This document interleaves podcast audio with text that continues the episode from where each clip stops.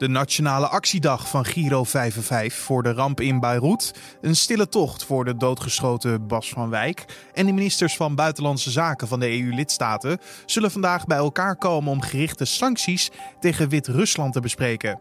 Dit wordt het nieuws. De vraag is alleen als je oproept tot een dialoog, ja, of dat uh, op dit moment uh, een, een, een, serieuze positie is, omdat je ziet dat de beelden die uit Wit-Rusland komen toch echt wel vragen om meer dan een dialoog. Want dan moet je in dialoog gaan met een staat die op dit moment zijn eigen bevolking afknuppelt. Vele EU-lidstaten vinden dat er sancties moeten komen voor de omstreden verkiezingen van afgelopen weekend en het gebruiken van geweld tegen demonstranten. Kan de EU iets doen tegen het regime van de laatste dictator van Europa? We vragen het aan Han ten Broeke, directeur politieke zaken van het Den Haag Centrum voor Strategische Studies. Maar eerst kijken we kort naar het belangrijkste nieuws van nu. Mijn naam is Carne van der Brink en het is vandaag vrijdag 14 augustus. Reizigers vanuit Nederland moeten vanaf zaterdag bij aankomst in het Verenigd Koninkrijk twee weken in zelfquarantaine. Dat heeft de Britse minister van Transport donderdagavond bekendgemaakt. Ook voor reizigers vanuit Frankrijk, Monaco, Malta, Aruba en de Turkse eilanden geldt voorlopig de quarantaineplicht. Dit is een harde klap voor Britse toeristen, voor wie Spanje en Frankrijk de populairste vakantiebestemmingen zijn. Volgens de minister is de maatregel nodig om te voorkomen dat het aantal coronabesmettingen in het Verenigd Koninkrijk opnieuw toeneemt. De gemeente Den Haag heeft in de nacht van donderdag op vrijdag een noodbevel aangekondigd voor enkele straten in de Schilderswijk, wegens aanhoudende onrust in de buurt. Net zoals een dag eerder gooien jongeren met eieren, stenen en zwaar vuurwerk naar politieagenten. De politie meldt dat er al enkele personen zijn aangehouden, maar het is nog onduidelijk hoeveel. Vorige nacht moest de mobiele eenheid van de politie ook al uitrukken nadat ruim 100 jongeren vuurwerk en stenen gooiden en brandkranen opendraaiden. Momenteel lijken de brandkranen geen rol te spelen bij de onrust in de Schilderswijk. RB Leipzig heeft zich donderdag geplaatst voor de halve finales van de Champions League. De Duitsers waren in Lissabon door een laat doelpunt met 2-1 te sterk voor Atletico Madrid. Leipzig staat door de overwinning op drievoudig finalist Atletico voor het eerst in de clubgeschiedenis in de halve finales van het belangrijkste Europese clubtoernooi. Leipzig moet het dinsdag opnemen in de halve finales tegen Paris Saint-Germain. En de Parijzenaars wonnen woensdag door twee late treffers met 2-1 van Atalanta. Het aantal banen in Nederland is in het tweede kwartaal met ruim 300.000 en dus met 3% gedaald. Een ongekend grote daling, zo meldt het Centraal Bureau voor de Statistiek. Dit cijfer geeft nog een geflatteerd beeld van de ontwikkeling van de werkgelegenheid, omdat als gevolg van de coronacrisis in een deel van de banen niet of minder gewerkt kon worden. Het totale aantal gewerkte uren, dat meer zegt over de daadwerkelijke stand van de arbeidsmarkt, lag in het tweede kwartaal van dit jaar 6,1% lager dan in de eerste drie maanden van het jaar. Een dergelijke daling is ook niet eerder voorgekomen. En dan kijken we naar het hoofdonderwerp van vandaag. En dat is dat de ministers van Buitenlandse Zaken van de EU-lidstaten bij elkaar komen om te praten over of er sancties moeten komen voor Wit-Rusland. Dit na aanleiding van de omstreden schijnverkiezingen en het geweld op demonstranten. Bij de demonstraties kwamen zeker twee betogers om het leven, honderden anderen zijn gewond geraakt en 5000 mensen zouden zijn gearresteerd. Hoe sterk is de roep om sancties van de Europese Unie? Ik vroeg het aan Han ten Broeke, directeur politieke zaken van het Den Haag Centrum voor Strategische Studies. Ja, die roep begint in ieder geval steeds sterker te worden. En ik denk ook dat het niet anders kan. Wie kijkt naar de beelden die uit Minsk en uit andere delen van Wit-Rusland komen, die komen gelukkig nog steeds daar vandaan, gefilmd met, uh, met telefoons, uh, bereiken die beelden ons. Ja, die ziet dat de situatie daar in toenemende mate aan het exploderen is. Dat uh, de Wit-Russische bevolking het uh, niet langer pikt. Dat we de uitslag van de stembus, um, die um, vergelijkbaar is als aan de afgelopen 26 jaar dat Lukashenko daar de scepter zou dat die niet langer wordt geaccepteerd. En dat kan door Europa dus niet worden, langer worden genegeerd. Maar ja, er zitten wel verschillen tussen de Europese landen die het uh, voorlopig nog niet eens kunnen worden. Je hebt Polen en Duitsland die, die nu al vrij stevige taal uitslaan. Uh, dan heb je Hongarije aan de andere kant, een land dat eigenlijk helemaal geen sancties wil en ook in het verleden zich al verzet heeft tegen Europese sancties. En nou is de, uh, de marker van het Europees buitenlands beleid, een van de vele zou ik willen zeggen, is dat je daar voor die sancties dus unanimiteit nodig hebt. Dus alle landen moeten het eens zijn in de Europese Unie. Toch zien we ook steeds vaker dat er toch verklaringen naar buiten worden gebracht waarbij één of meerdere landen ja, dan niet meedoen aan die verklaring. Hongarije bijvoorbeeld is die positie al eerder geboden. En ik denk dat dat nu opnieuw moet gebeuren. Dan maar een verklaring van niet de 28, eigenlijk zonder de Britten natuurlijk nu 27, minus dan ook Hongarije. Um, uh, want we kunnen het ons niet langer permitteren om geen opvatting te hebben. En dat is een beetje de positie waar Nederland zich nu bevindt. Ja, want als je het hebt over sancties voor Wit-Rusland, ze hebben ze al eerder opgelegd gekregen van de EU. Um, ehm, heeft dat dan niks uitgemaakt? Jawel, maar die sancties zijn vervolgens ook weer ingetrokken en daar waren ook goede redenen voor. Kijk, laten we niet vergeten, um, en dat is nu misschien wat lastig om, om, om, om te zien, nu je die verschrikkelijke beelden ziet met uh, veiligheidsdiensten die mensen neerknuppelen, arresteren om het niet. En die zomaar van straat worden geplukt en in, in, in, busjes worden gesmeten en daarna uh, in de gevangenis uh, verdwijnen. Ja, of die zelfs worden beschoten. Um, maar Wit-Rusland en Lukashenko hebben de afgelopen jaren ook af en toe een min of meer constructieve rol, voor zover je dat kunt verwachten van een dictator, uh, vervuld. Uh, bijvoorbeeld toen uh, de Maidan-crisis uitbrak, was het Wit-Rusland dat, ondanks het feit dat wij het vaak zien als een vazalstaat van Rusland, de um, annexatie van de Krim niet heeft erkend. Dus zij liepen op dat moment niet in het spoor van de Russen. En later heeft uh, Lukashenko ook um, zijn hoofdstad Minsk opengesteld voor de zogenaamde Minsk-akkoorden, die uh, onder leiding van Angela Merkel zijn gesloten en die in ieder geval een poging hebben gedaan om aan de randen van Europa niet tot oorlog te laten komen, of althans oorlog niet te laten exploderen. zoals we dat in Oost-Oekraïne zien, waar Nederland natuurlijk MH17 te betreuren heeft gehad.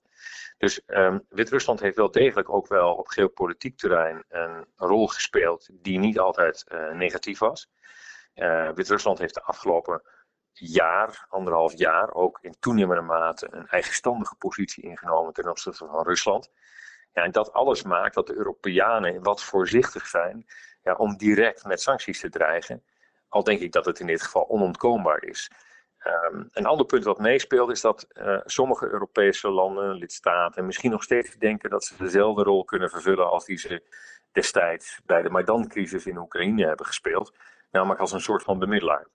En dat kan volgens mij niet, want Europa is gewoon partij. Dat kunnen wij leuk vinden of niet. Uh, uh, maar uh, dat we partij zijn mag ook in die verklaring, die ongetwijfeld, dat verwacht ik wel, hele sterker zal zijn, van die ministers van Buitenlandse Zaken tot uitdrukking komen. Nou, dat je wel één geluid krijgt en dat het niet heel erg versnipperd is. Ja, desnoods met minder. Ja, desnoods met minder. Kijk, je hoeft niet iedereen over die streep te trekken.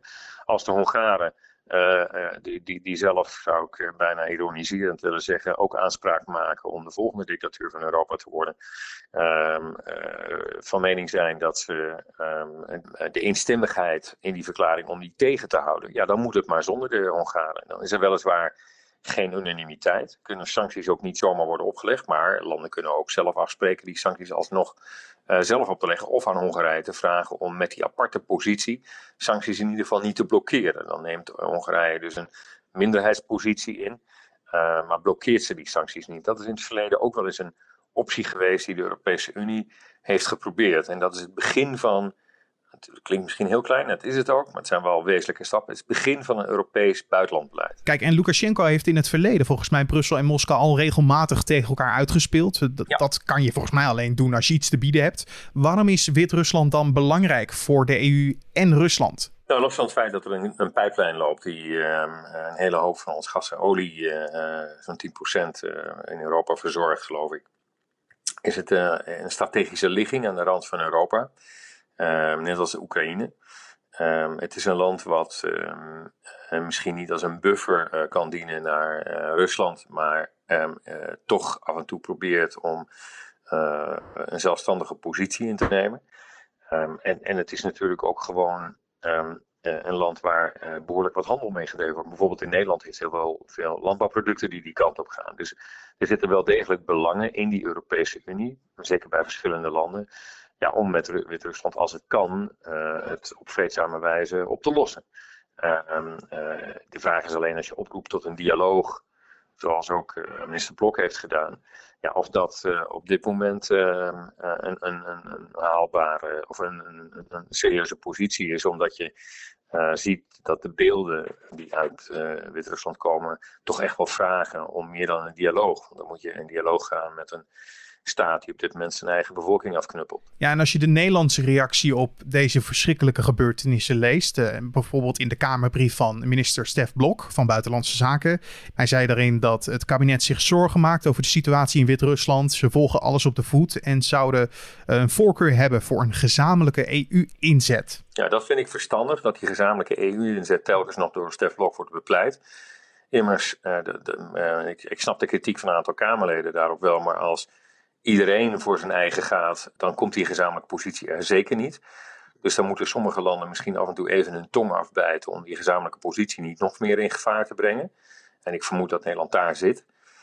Maar tegelijkertijd denk ik dat ook Stef Blok zich realiseert dat um, oproepen tot een dialoog, dat hij daar niet meer bij kan laten. Dat, is, uh, dat, dat station is wel echt gepasseerd. Maar als we dit dan lezen in een Kamerbrief, moeten we ons dan niet afvragen of we als land te voorzichtig zijn om de praktijken van uh, Lukashenko dus af te keuren? We zijn in ieder geval voorzichtig, maar we hebben als Nederland ook niet, geen positie. Uh, wel, een, we hebben wel belangen, maar niet echt een positie. De enige die een positie kan uitoefenen kan innemen en daarmee uh, kracht kan uitoefenen, is de EU. En voor die EU is noodzakelijk dat er gemeenschappelijkheid is. En daar draagt Stef Blok op dit moment aan bij, uh, door in zijn reactie relatief uh, voorzichtig te blijven.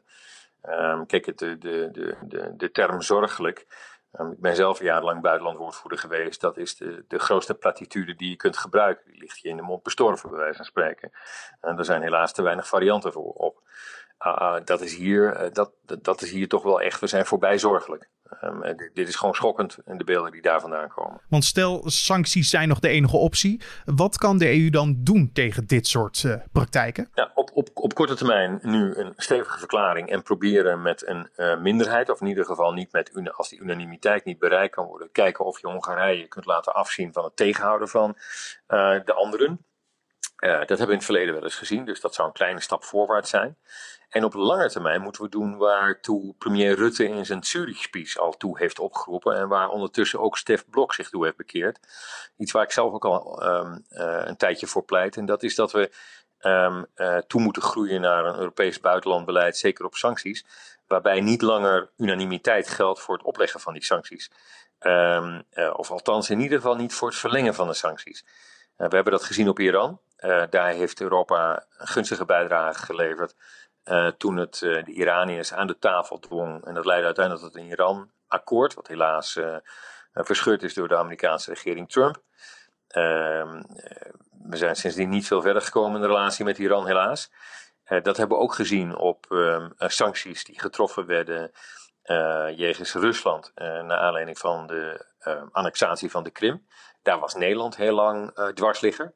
Uh, en maar 17 zorgde dat ook aan onze kant en trouwens ook bij andere, andere landen de positie uh, wat is verhard. Ja, dat zou nu ook met Belarus kunnen gebeuren. Uh, maar op lange termijn hebben we echt een buitenlandbeleid nodig wat wat meer op effectiviteit en, en pragmatisme inzet. Ja, en minder op unanimiteit. Ja, de kans dus dat ze er unaniem vandaag uit gaan komen over sancties tegen Wit-Rusland, die kans is vrij klein, hoor ik je zeggen. Um, maar ja, wat is dan wel een mogelijkheid? Waar kunnen ze wel mee komen? Unanimiteit, kans is nul. Um, uh, het, het, een, een, stevige verklaring, um, uh, veel steviger dan die we tot nu toe hebben gezien. Ja, inclusief wat politieke druk lijkt me zeer wel denkbaar. Um, sancties, die dan, of, of, of, of, politieke druk in combinatie met sancties. in hoeverre de Europese Unie daartoe kan worden bewogen zal zeer afhangen van de mate waarin je de dwarsligger kunt appraiseren. En dat is in dit geval Hongarije. Dat was Hand en Broeke, directeur politieke zaken van het Den Haag Centrum voor Strategische Studies. En er is nog een update te melden, want de autoriteiten in Wit-Rusland zijn begonnen met het vrijlaten van duizenden demonstranten die sinds de verkiezingen van afgelopen zondag zijn gearresteerd. Hiermee hopen de autoriteiten een einde te maken aan de dagenlange protesten. En dan kijken we nog even naar de verdere nieuwsagenda voor vandaag. Want om 7 uur in de ochtend gaat de Nationale Actiedag voor Beirut van start. Normaal gesproken is het een en al bedrijvigheid in Hilversum, maar vanwege het coronavirus mag er dit jaar geen publiek bij aanwezig zijn. Wel is er een klein belpanel van bekende Nederlanders. Zo nemen onder andere Giel Belen en Jurgen Rijman telefoontjes aan. De actie is te volgen via een livestream waar ook optredens van Nederlandse artiesten te zien zijn. Verder trekt ook de zogenoemde Giro 55 collectebus door verschillende Nederlandse steden. En vanavond wordt er een stille tocht gehouden om stil te staan bij de dood van de 24-jarige Bas van Wijk uit Battenverdorp. Hij werd zaterdag doodgeschoten bij een recreatieplas in Amsterdam. Mogelijk als gevolg van een ruzie om een diefstal van een horloge. De politie heeft inmiddels vier verdachten aangehouden. Zij worden vandaag voorgeleid en horen dan of ze langer vast moeten blijven. En het Centraal Bureau voor de Statistiek maakt deze ochtend nieuwe cijfers over de Nederlandse economie van het tweede kwartaal bekend. De Europese economie kromp in deze periode 11,9 procent. En ook voor Nederland wordt een ongekende krimp verwacht vanwege de coronamaatregelen. En afsluitend nemen Barcelona en Bayern München het vandaag tegen elkaar op in de kwartfinales van de Champions League. Het duel tussen de Europese grootmachten begint om 9 uur in Lissabon. En bij Barcelona begint Frenkie de Jong waarschijnlijk in de basis. En dan het weer. Met temperaturen tussen de 25 tot 29 graden is het vandaag nog steeds een zomerse dag, maar wel minder warm dan de afgelopen week. De hele dag wisselen zon en bewolking elkaar af en is er kans op onweer. Ochtends vallen er al enkele regenbuien en de kans op regen neemt gedurende de dag steeds verder toe. Hierbij kan ook onweer voorkomen. En om af te sluiten nog even dit. Het pandajong, dat op 1 mei werd geboren in Ouwans Dierenpark, krijgt vandaag 100 dagen na de geboorte een naam. In China is dat namelijk traditie. Ruim 22.000 mensen hebben de afgelopen weken hun stem uitgebracht op één van de vijf opties. Er kon worden gestemd op de volgende namen en excuses als ik het verkeerd uitspreek. Heng Kang, Hen Xun, Fang Xing, en Xing He. De namen zijn genderneutraal omdat het geslacht van de panda nog onbekend is. En dan zijn we alweer bij het einde aangekomen van deze podcast. Niet alleen van deze vrijdag, maar ook van deze week. De Dit Wordt Het Nieuws podcast is er maandagochtend weer. Gewoon in de normale vorm op de voorpagina van nu.nl en in je favoriete podcast app. En alleen vanmiddag hebben we natuurlijk wel weer de weekafsluiter voor je. De Week van Nu podcast, onze openbare redactievergadering ja, wat ons het meest is bijgebleven van deze week. Welke nieuwsgebeurtenis willen wij uitlichten om uh, met jou eigenlijk te bespreken? Welke keuzes zijn er gemaakt bij nu.nl? En hoe gaan wij om met het dagelijkse nieuws of het nieuws van specifiek dat moment? Dat hoor je vanmiddag in de Week van Nu podcast, gepresenteerd door de hoofdredacteur van nu.nl, Gertjaap Hoekman. Heb je nog vragen, suggesties of feedback? Stuur die dan nog even door naar podcast.nu.nl. Dat is ons mailadres, podcast@ nu.nl. Mijn naam is Carne van der Brink. Ik wens je een hele mooie dag. Ik ben er maandag weer, dus tot dan.